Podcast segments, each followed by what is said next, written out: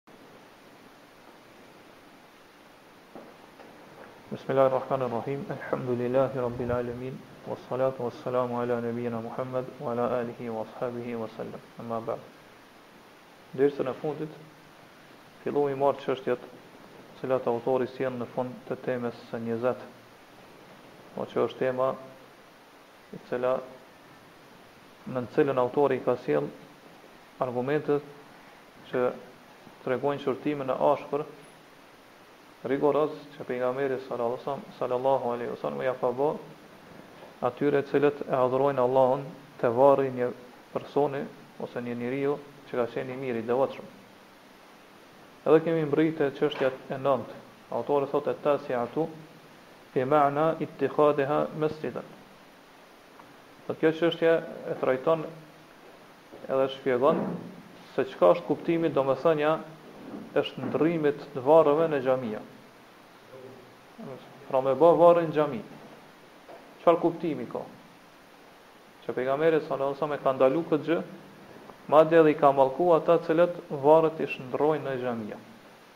Kemi thënë edhe gjatë dersave të kalume që kjo i ka tri kuptime. Po kuptimi i parë është me ndërtu faltore, një objekt, një xhami ose një një, një faltore ku njerëzit i kryjnë adhurimet e tyre. Ky është kuptimi i parë ose domethënia e parë e shndërrimit të varreve në xhamia. Kuptimi i dytë kemi thënë është që me përzgjedh vendin te një varr i caktuar apo te një grup i varreve, varreve apo te një varrezë për me shku dhe mi kry adhurimet aty. Po duke menduar se ai vend ka vlerë ose dallon prej vendeve tjera. Pra që aty namazet ose adhurimet tjera pranohen më shumë se sa lutjet e kështu me radhë pranohen më shumë se sa në vendet tjera. Edhe kuptimi i tretë, e që kemi thonë është vepra, veprimi më i keq ose kuptimi më i keq prej këtyre trijave është me shku dhe me bë sexhde mbi varr. Me shku dhe me bë sexhde mbi varr. Po siç kanë vepru më herët ithtarët e librit, edhe tash te sot e kësaj dite ka njerëz të cilët, domethënë e veprojnë këtë gjë, shkojnë edhe e, e marrin varrin si vend ku i kryjnë sexhdet e tyre. Ky është kuptimi dhe domethënia më e keqe. Pra, kemi shpjegu gjatë dersave të kalume që ndalesën që e ka bërë pejgamberi sallallahu alaihi wasallam për mi shndrru varret në xhamia me këto tri kuptime, nuk domethënë shkaku i kësaj, arsyeja e kësaj ndalese nuk ka nuk është siç kanë mendu disa prej të mëvonshëmve se ato varret janë të papastra. Mirëpo, domethënë ndalesa e kësaj është se kjo është rrugë që çon Në tejkalimin e kufijve në raport me ato varre apo me personat që janë të varrosur aty e më vonë domethënë që ata të adhurohen në vend të Allahut subhanahu teala, pra t'i bëhet shirk Allahut përmes atyre varreve apo përmes atyre të vdekurve. Pra qëllimi është te papastërtia e shirkut, te ndyrësia e shirkut, jo te papastërtia fizike. Pastaj vazhdon autori thotë el ashiratu E dhjeta, Ennehu karane bejne men ittekhadheha mesjiden wa bejne men tekumu alejhi sa'a, Thotë Pejgamberi sallallahu alejhi ve sellem i ka bërë bashkë dy grupe të njerëzve, pra sa i përket veprës së keqe që e bajnë ata, thotë ata mbi të cilët ndodh Kiameti, edhe ata të cilët i shndërrojnë varret në xhamia. Pra i ka krahasu Pejgamberi sallallahu alejhi ve sellem dhe i ka përmend brenda një konteksti.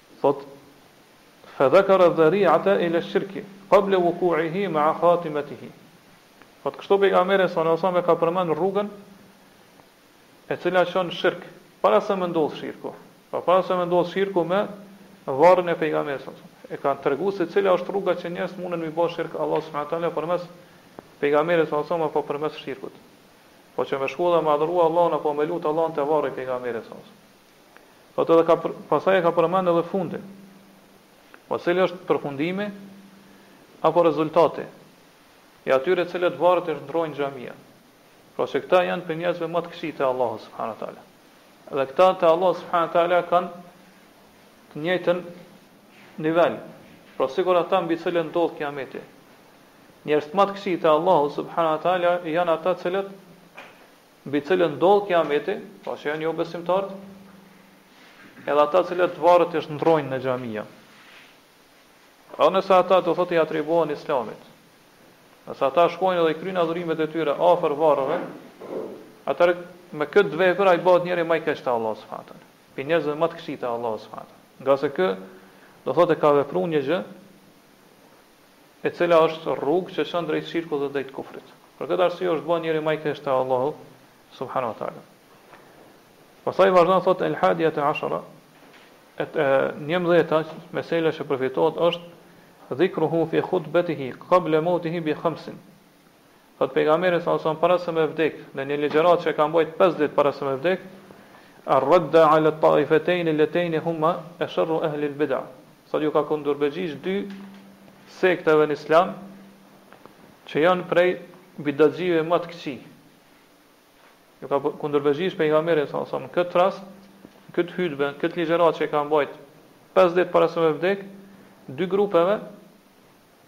ose dy sekte në islam që janë prej bidatçive më të këqij. Këtu autori, së pari, po e sjellë përshkrimin edhe vendimin e këtyre dy grupeve, ose dy sekteve, para se me i përmend cilat janë ato. Bel autori thot, bel akhrexhehum ba'du ehlil ilm, min ithintejn wa sab'ina firqa. Madje thotë disa prej dijetarëve këto dy sekte i kanë nxjerrë prej shtatëdhjetë e dy grupeve të Islamit, pra s'i, s'i llogarisin si musliman. Disa prej dijetarëve. Po qëllimisht autori po po tregon çysh është gjendja përshkrimi ose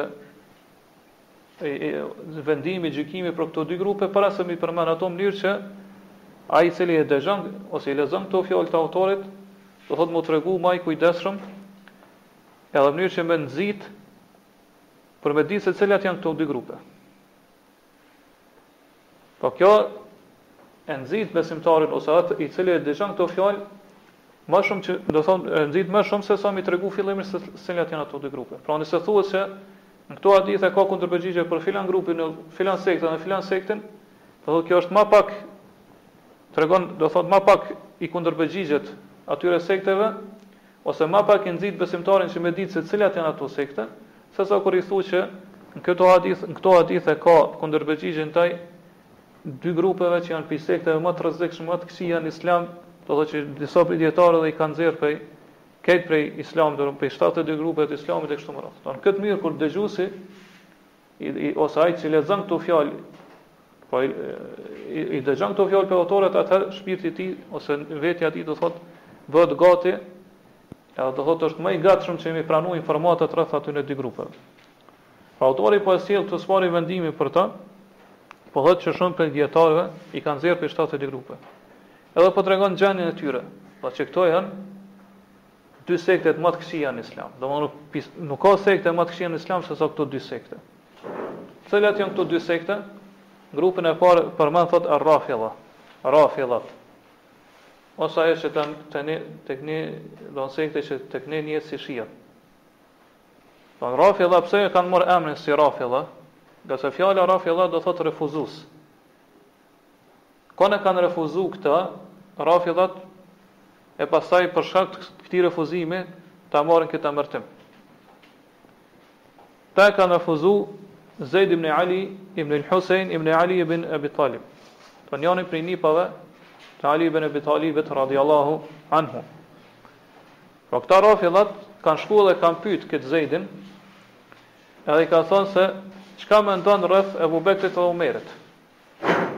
Po me këtë pyetje kanë dashur prej tina që ai m'i akuzu ata, qysh është e njohur te Rafidhat, që e akuzojnë Ebu Bekrin e Omerin me nifak.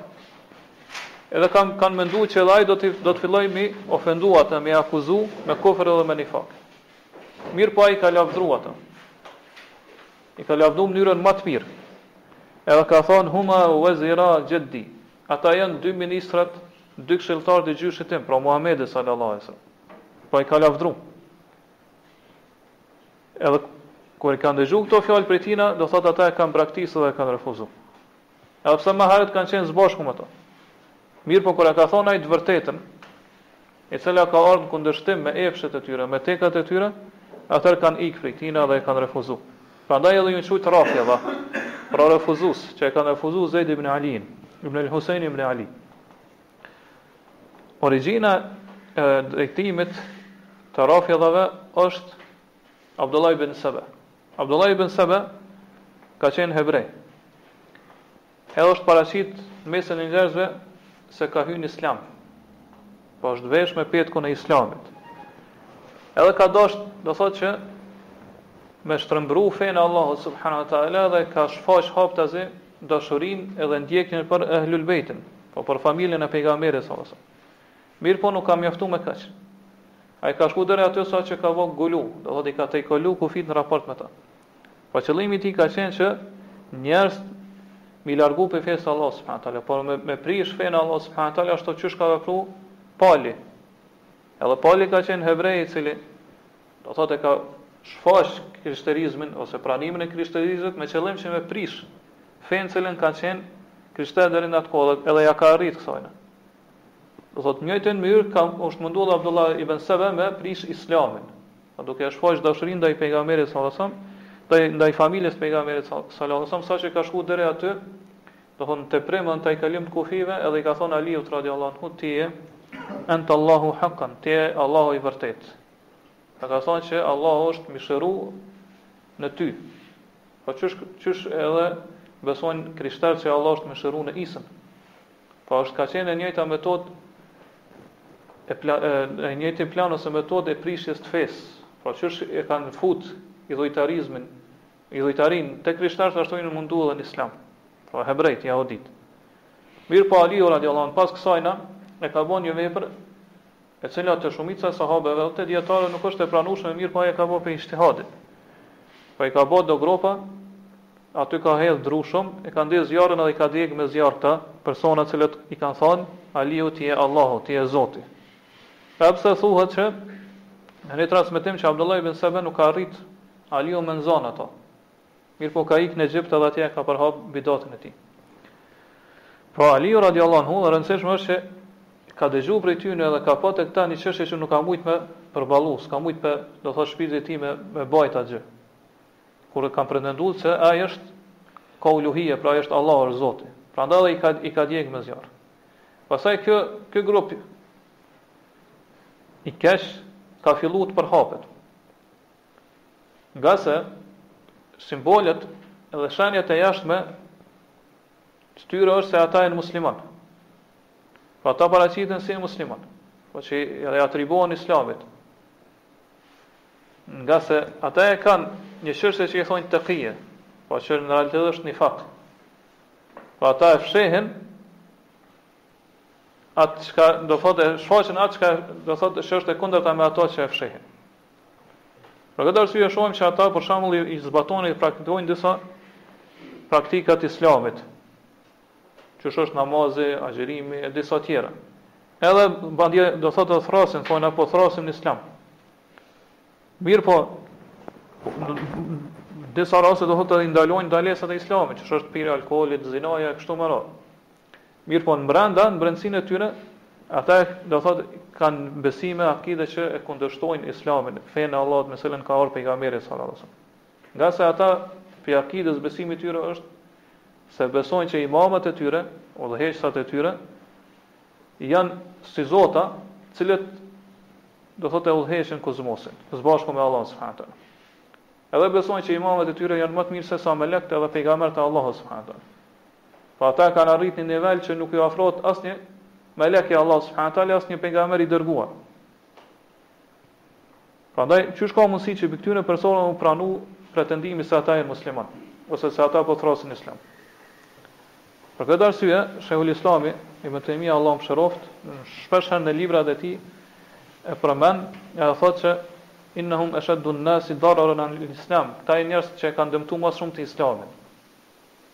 Wa innahum hajaru al-masajida wa amaru al-mashahid. Thotë ka njerëz që i kanë bojkotu, i kanë braktis xhamiat, kurse i kanë gjallëru tyrbet. Po edhe ato kupola ndërtesat që janë ndërtu mbi varre. Po i kanë braktis xhamiat e muslimanëve, edhe shkojnë i adhurojnë varret ose të vdekurit që janë aty. Prandaj ata thonë që na nuk nuk lejohem, nuk nuk na lejohet me u fal pas një personi i cili nuk është imam edhe i pagabushëm, ose që e quajnë ma'sum. Kurse sot thonë nuk ka njeri të pagabushëm, kështu që nuk falen hiç, do thotë në xhamiat e muslimanëve. Edhe qysh e përmend edhe autori këta janë njerëzt e parë që kanë fillu me ndërtu xhamia, tyrbe e kështu me radhë përmbi varre. E pa, përveç kësaj na, do thot pi gabime që i kanë është se njerëz më të mirë, mas pejgamberit sa sa, që është Abu Bekri dhe Omeri, i akuzojnë me nifak, me dyftyrësi. E thonë që ata kanë vdekë si munafikë. Pra Abu Bekri dhe Omeri sipas tyre janë njëjtë sikurse Abdullah ibn Seluli, që ka qenë koka munafikut në kohën e munafikëve në kohën e pejgamberit sa sa. Prandaj ai i cili do thotë i din këto gjëra dhe shumë tjera, prej gabimeve që i kanë rreth Islamit, që është për shembull se pretendojnë se Kurani është shtrembëruar e të tjera, atëherë secili prej prej neve mundet me marrë një lloj vendimi dhe gjykimi për ta, se a vërtet a i përkasin ata Islamit apo jo. Grupi i dytë janë xhehmitë që i përmend dietar, autori këtu. Xhehmitë janë pasues të Xhehm ibn Safuanit,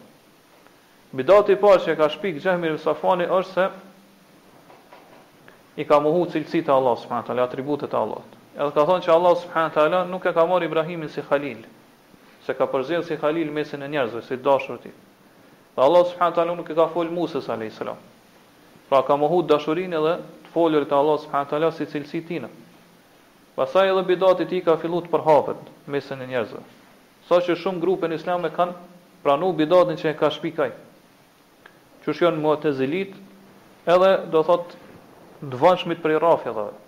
Ngase Rafidhat fillimisht kanë qenë mushabbihe, pra kanë pas tashbih, e kanë përngjasu Allahun subhanahu wa ta'ala me krijesat e tij.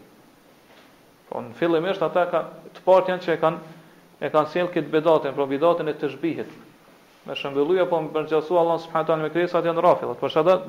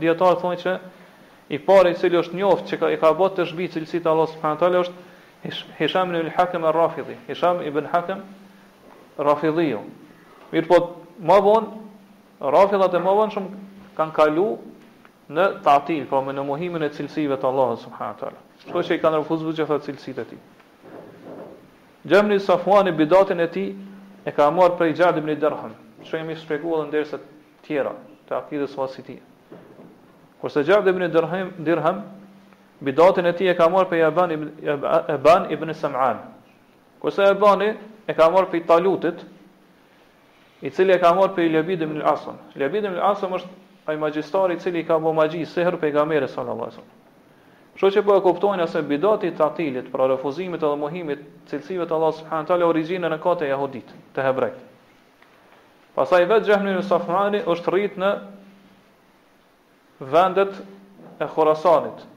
Edhe aty ka pas do thot fe ndryshme. Prej tyre kanë qenë Sabiet, pra adhurues të yjeve, planeteve, ka pas filozofë ndryshëm e kështu me radhë. Kështu që edhe prej tyre ka marrë i ka marrë disa ide, do disa një pjesë të ideologjisë tina. Prandaj po shohim se si përfundim dhe si rezultat ka ardhur që bidati i tatilit, mohimit e refuzimit të cilësive të Allahut subhanahu teala, origjinën e ka prej një grupi të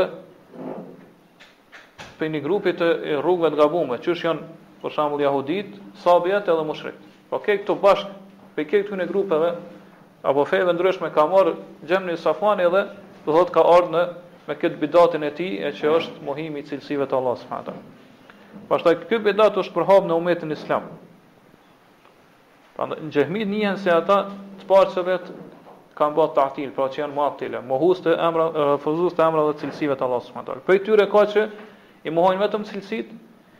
E prej tyre ka që i mohojnë edhe emrat e Allahut subhanahu wa taala. Edhe thonë që emrat e Allahut subhanahu wa taala kur t'i atribuohen Allahut subhanahu wa taala, kjo thonë, ky atribuim nuk është i vërtetë, nuk është real.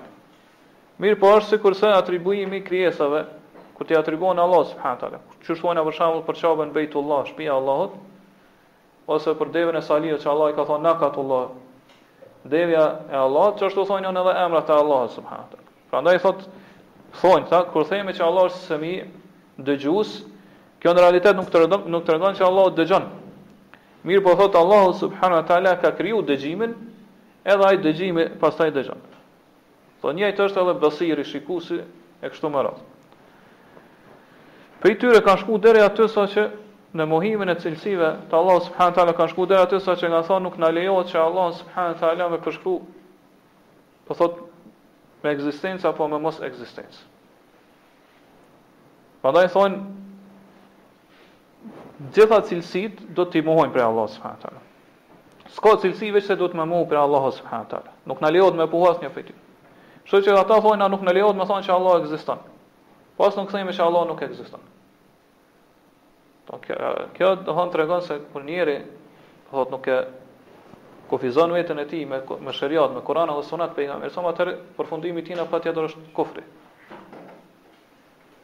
Domethënë nëse themi ne që Allahu ekziston, atëherë po e përngjasojmë me ekzistimin e krijesave. Kjo është cilësi që duhet me mohu prej Allahut.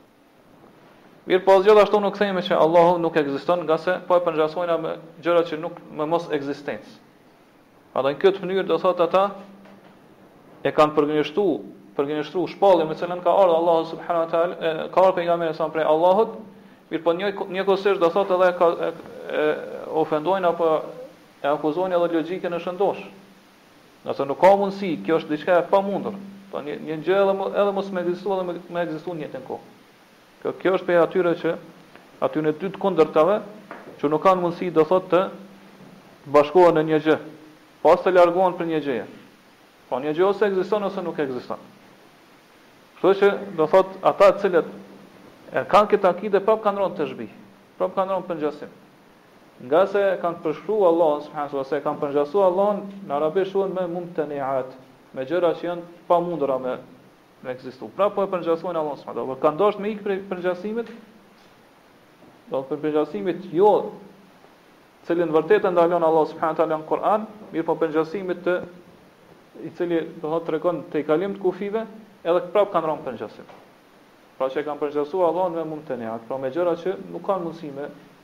me ndodhë ose me me ekzistu.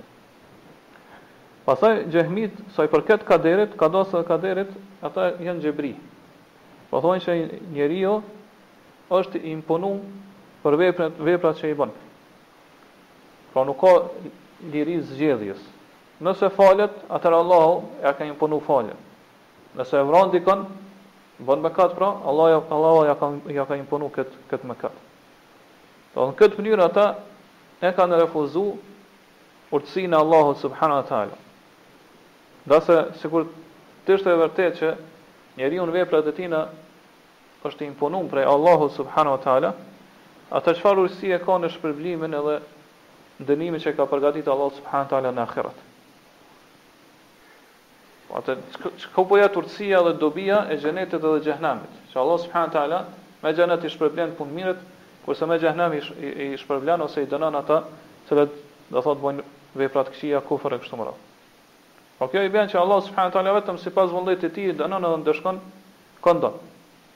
Këtë mënyrë pra xhehmit e kanë refuzu pi ose i kanë largu prej vepruesve ato cilësit e lavdërimit apo të nënçmimit. Kështu që kanë thanë ty nuk lejohet as një njeri as me lavdru as me nënçmu. Prandaj, nëse dikush bën mëkat, nuk bën me nënçmu atë, ose me qortu.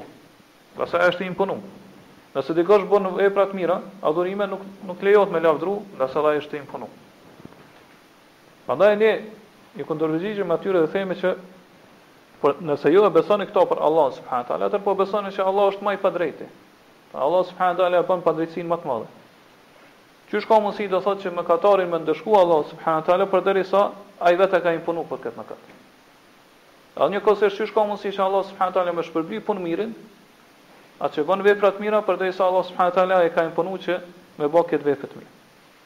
Po kjo i bjen që Allahu subhanahu wa taala ja ka dhënë dikujt një gjë që nuk e meriton. Kurse e ka ndëshku tjetrin me një gjë që gjithashtu nuk e meriton. Kjo është padrejtësi, është zullum. Po ashtu po e përshkruan Allahu subhanahu wa taala. Ata kanë thonë kjo nuk është zullum, nuk është padrejtësi, ngase padrejtësi është që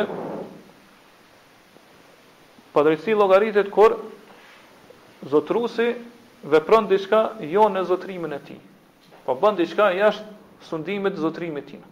Po mirëpo Allah subhanahu wa taala thotë këtë e vepron brenda sundimit Edhe zotrimit tij, kështu që nuk llogaritet kjo padrejtësi ngase Allahu vepron sipas vullnetit të tij çfarë dëshiron. Mirëpo ne kundërpërgjigjemi atyre themi që kjo që po arsyetoni është e kotë. Ngase në këtë rast sundusi pra Allahu subhanahu wa taala nëse është i cilësuar me atribute dhe me cilësi të përsosura, atëherë Allahu subhanahu wa taala nuk e thën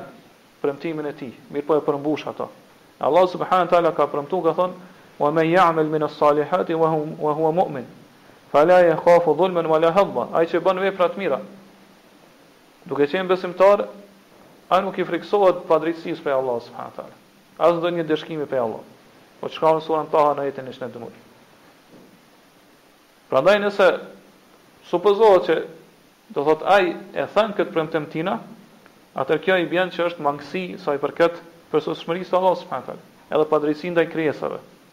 Po i ka premtuar Allahu subhanahu teala, pastaj po i ndëshkon. Kështu që kjo nuk për, do thotë kjo tregon se vërtet rruga ose medhhebi i tyre, drejtimi i tyre është është një prej bidateve më të këqija. Po ashtu sa i përket emërtimeve që kanë të bëjnë me fenë,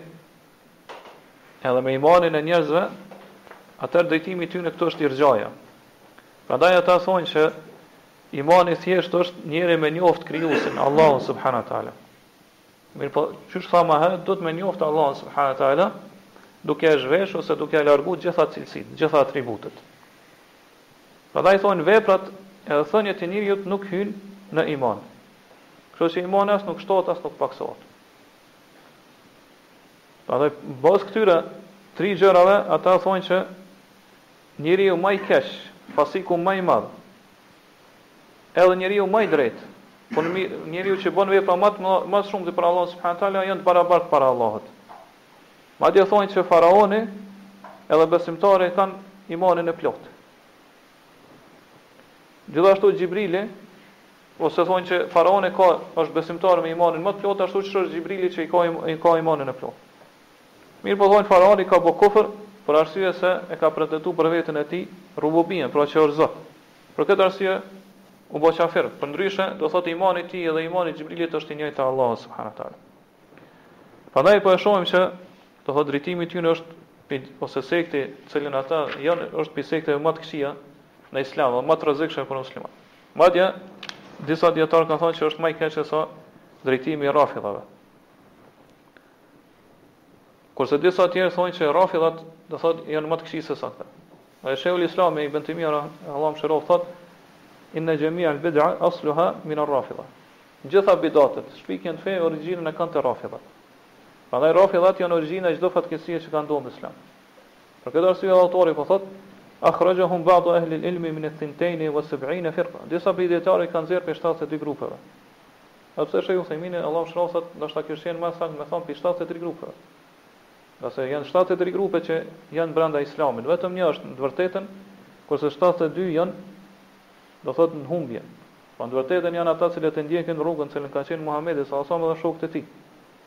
Ose thotë qëllimi i autorit është se këta dijetarë i ka nxjerrë prej grupit shtatëdhjetë e tretë dhe i ka vendosë në shtatëdhjetë e dy grupe tjera.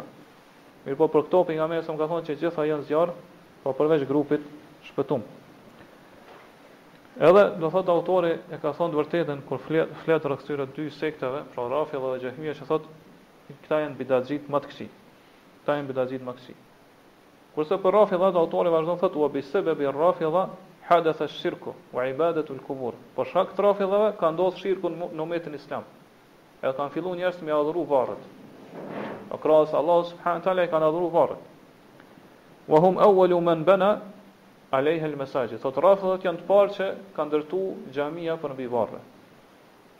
Për këtë arsye duhet muslimanët të kenë kujdes prej bidatit të rafidhëve, edhe prej bidatit xehmive, po në përgjithësi edhe prej gjitha bidateve.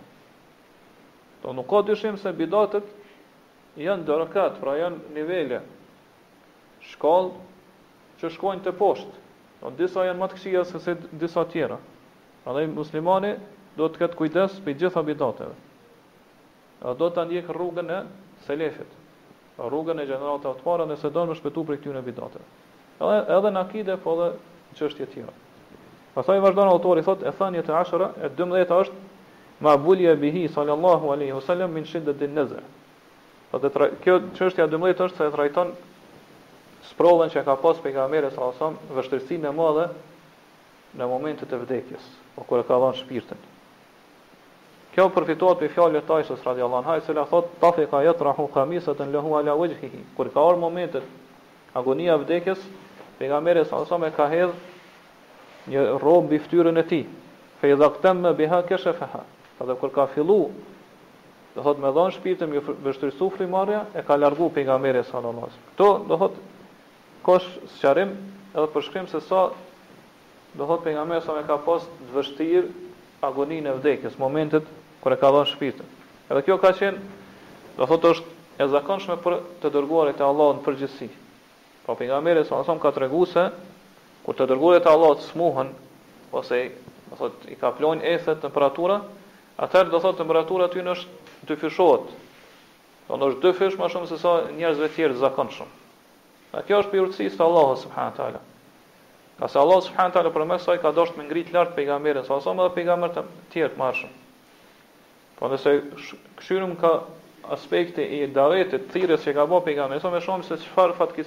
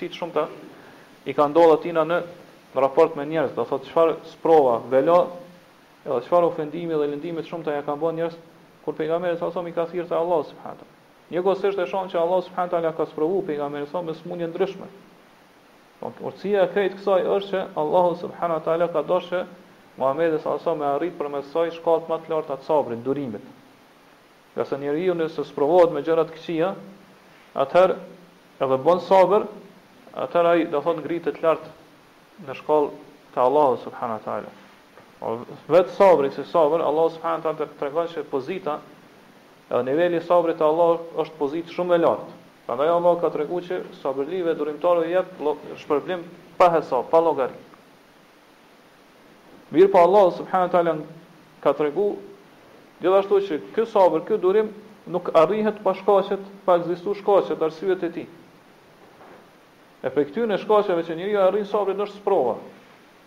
Po me sprovat me të cilat Allah subhanahu wa taala godet njeriun.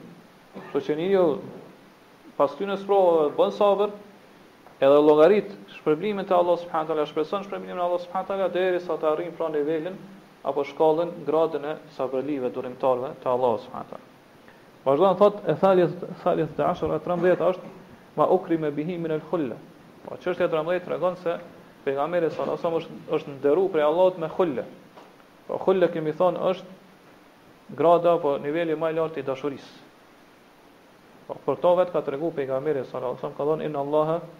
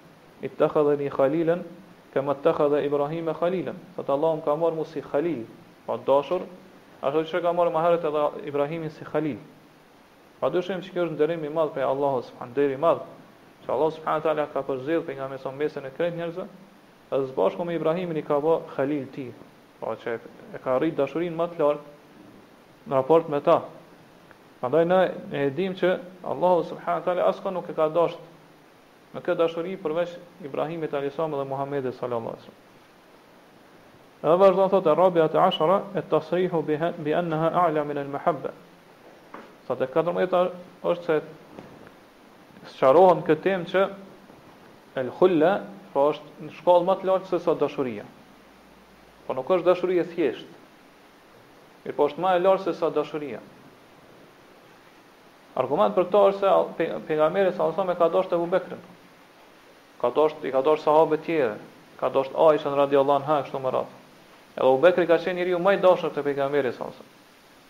Po edhe vetë pejgamberi sallallahu alaihi wasallam e ka pohu për të dashurinë, pra që e don Abu Bekrin. Mirëpo e ka mohu që e don me dashurinë e Khullës, pra me me këtë nivel dashurisë. Prandaj kjo tregon se Khulla është niveli më i lartë i dashurisë.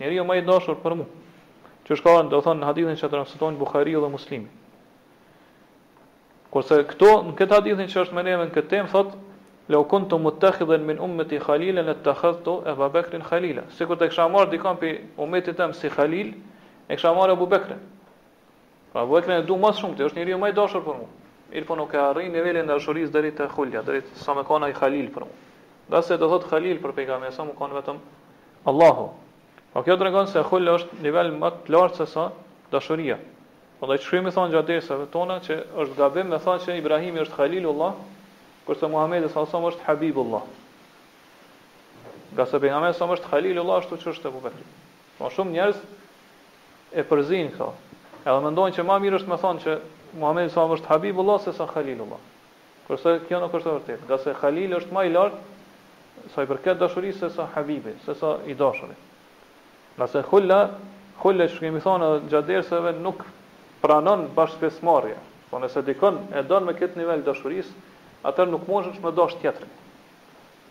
Po nuk pranon tjerë. Prandaj pejgamberi sallallahu alaihi wasallam e ka dashtë Allahun subhanahu wa taala, edhe Allahu ka dashtë pejgamberin sallallahu alaihi wasallam këtë nivel do thotë se nuk e ka dashtë askën pi krijesave tjera përveç Ibrahimit alayhis salam. Pra është dashuri e pastër.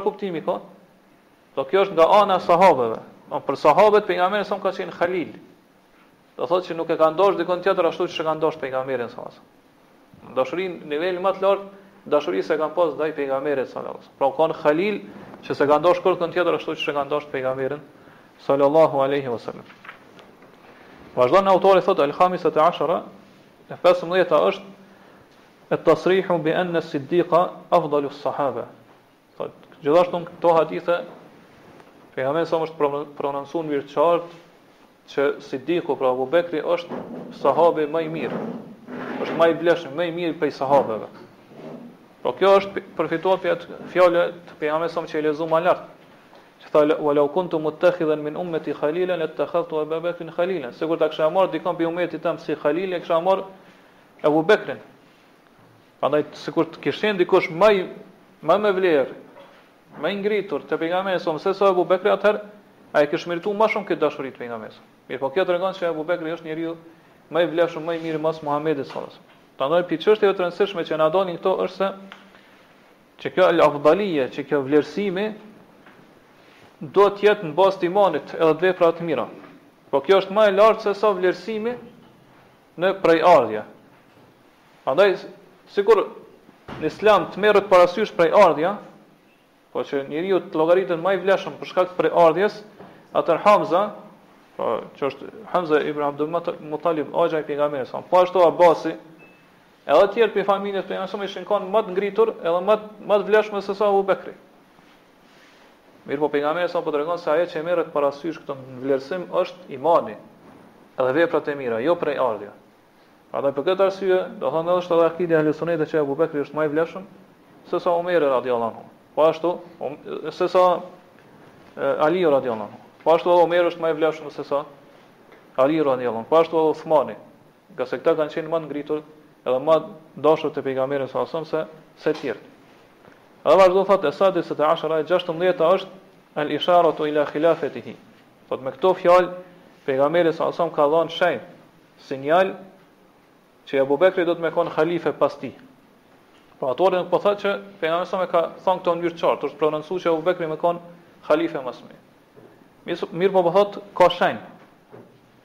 Po pejgamberi sa nuk ka thënë që mas meje si halife do të jetë Abu Bekri. Mirëpo thotë sikur të kisha marr Khalil dikon pe umetit tem, atëherë kisha marr Abu Bekrin si Khalil. Prandaj pe kësaj po kuptohet se Abu Bekri ka qenë njeriu më i afërt për pejgamberin sa, më i dashur te pejgamberi sallallahu alaihi wasallam. Prandaj, përderisa ka qenë kështu, atëherë edhe ka merituar më shumë që me kanë halife, zavendës i tij pas vdekjes të pejgamberit sallallahu alaihi wasallam. Pastaj ne këtu përfundojmë këto çështje që i sjell autori Po si çështje që përfitohen pe temës, kurse disa dietarë i kanë sjellë edhe disa çështje të tjera, ne po, po i lexojmë ato. Tom që përfitohen pe temës, pe këtyre çështjeve është se është e ndaluar që me vendos idhuj dhe statuja nëpër vende ndryshme.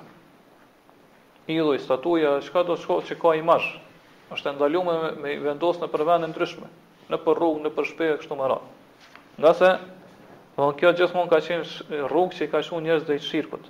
Po njerëzit i kanë bo shirk Allahut s.w.t. përmes këtyre idhujve, apo përmes këtyre statujave, edhe pse nashta, do thotë, në këtë kohë, se për momentin njerit i duket që nuk ka mundësi që njerëz me fillu, mi, mi adhuru ato në vend Allahut s.w.t. Mirëpo qështu ka ndodh në kohën e Nuhit a.s. dhe tje, do thotë edhe,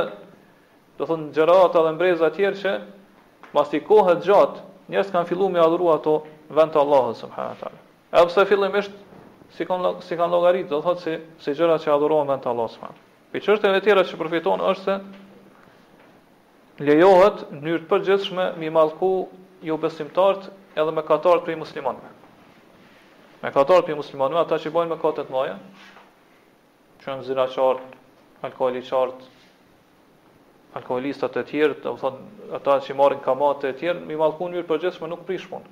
Është e lejuar, ngase vet pejgamberi sallallahu alaihi wasallam, në këto hadithe i ka mallku hebrejt edhe të krishterët. Mirëpo kjo do thotë është lejuar vetëm në mënyrë të përgjithshme. Po mi mallku ata, mi mallku mëkatarët në mënyrë të përgjithshme nuk ka të keqe.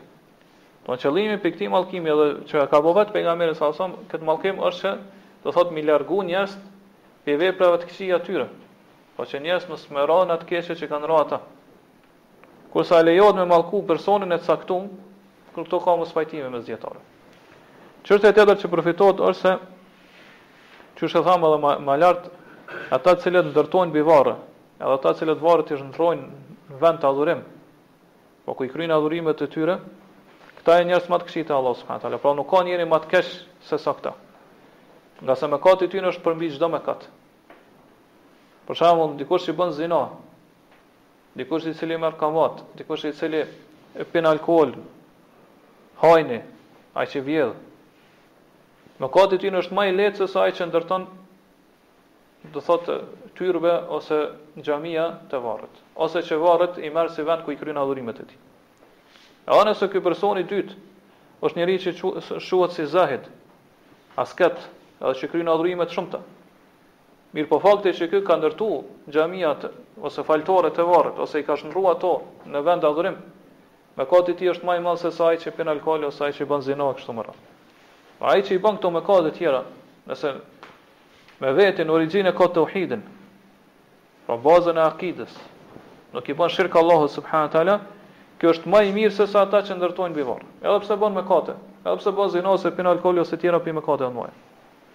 Do të kjo është më e mirë se sa ata që ndërtojnë mbi varret, se sa ata që shkojnë te varret dhe i kryejnë adhurimet e tyre, ibadetet e tyre te varret. Edhe nëse këta do thot falen natë e ditë ose çojnë natë e ditë, agjërojnë gjatë ditës nafile, falen gjatë natës. Ngase këta janë njerëz më të këqij te Allahu subhanahu wa taala. Kështu i ka përshkruar vet pejgamberi sallallahu alaihi wasallam. Prej çështjeve tjera që përfitohen është se Në hadith po ka argument që duhet mi kushtu rëndësi, pra është obligim, t'i kushtojmë rëndësi çështjes të akides. Pra para gjithë para gjitha tjerave. Po mi thirr njerëz në çështje të akides. Po mi tregu se cilat janë ato çështje që e prishin akiden e tyre. Po para çdo të keqe do të mi thirr njerëz me e përmisu akiden e tyre. Para se me fillu me përmirësu çështje të tjera. Nga se kjo ka qenë rruga e pejgamberëve. Pra kështu e kanë fillu ata davetin e tyre. Para çdo gjëje tjetër duhet njerëz mi thirr në akide, në tauhid. E me ia sqaru se çka është akida, me përmirësu akiden, besimin e tyre, tauhidin e tyre kështu me radhë. Prej çështjeve të tjera që përfitohen e që i, i përmendin dijetarët në këtë temë është do të thotë hadithet që u përmendën në këtë temë është se këtu pohohet dashuria e Allahut subhanahu teala.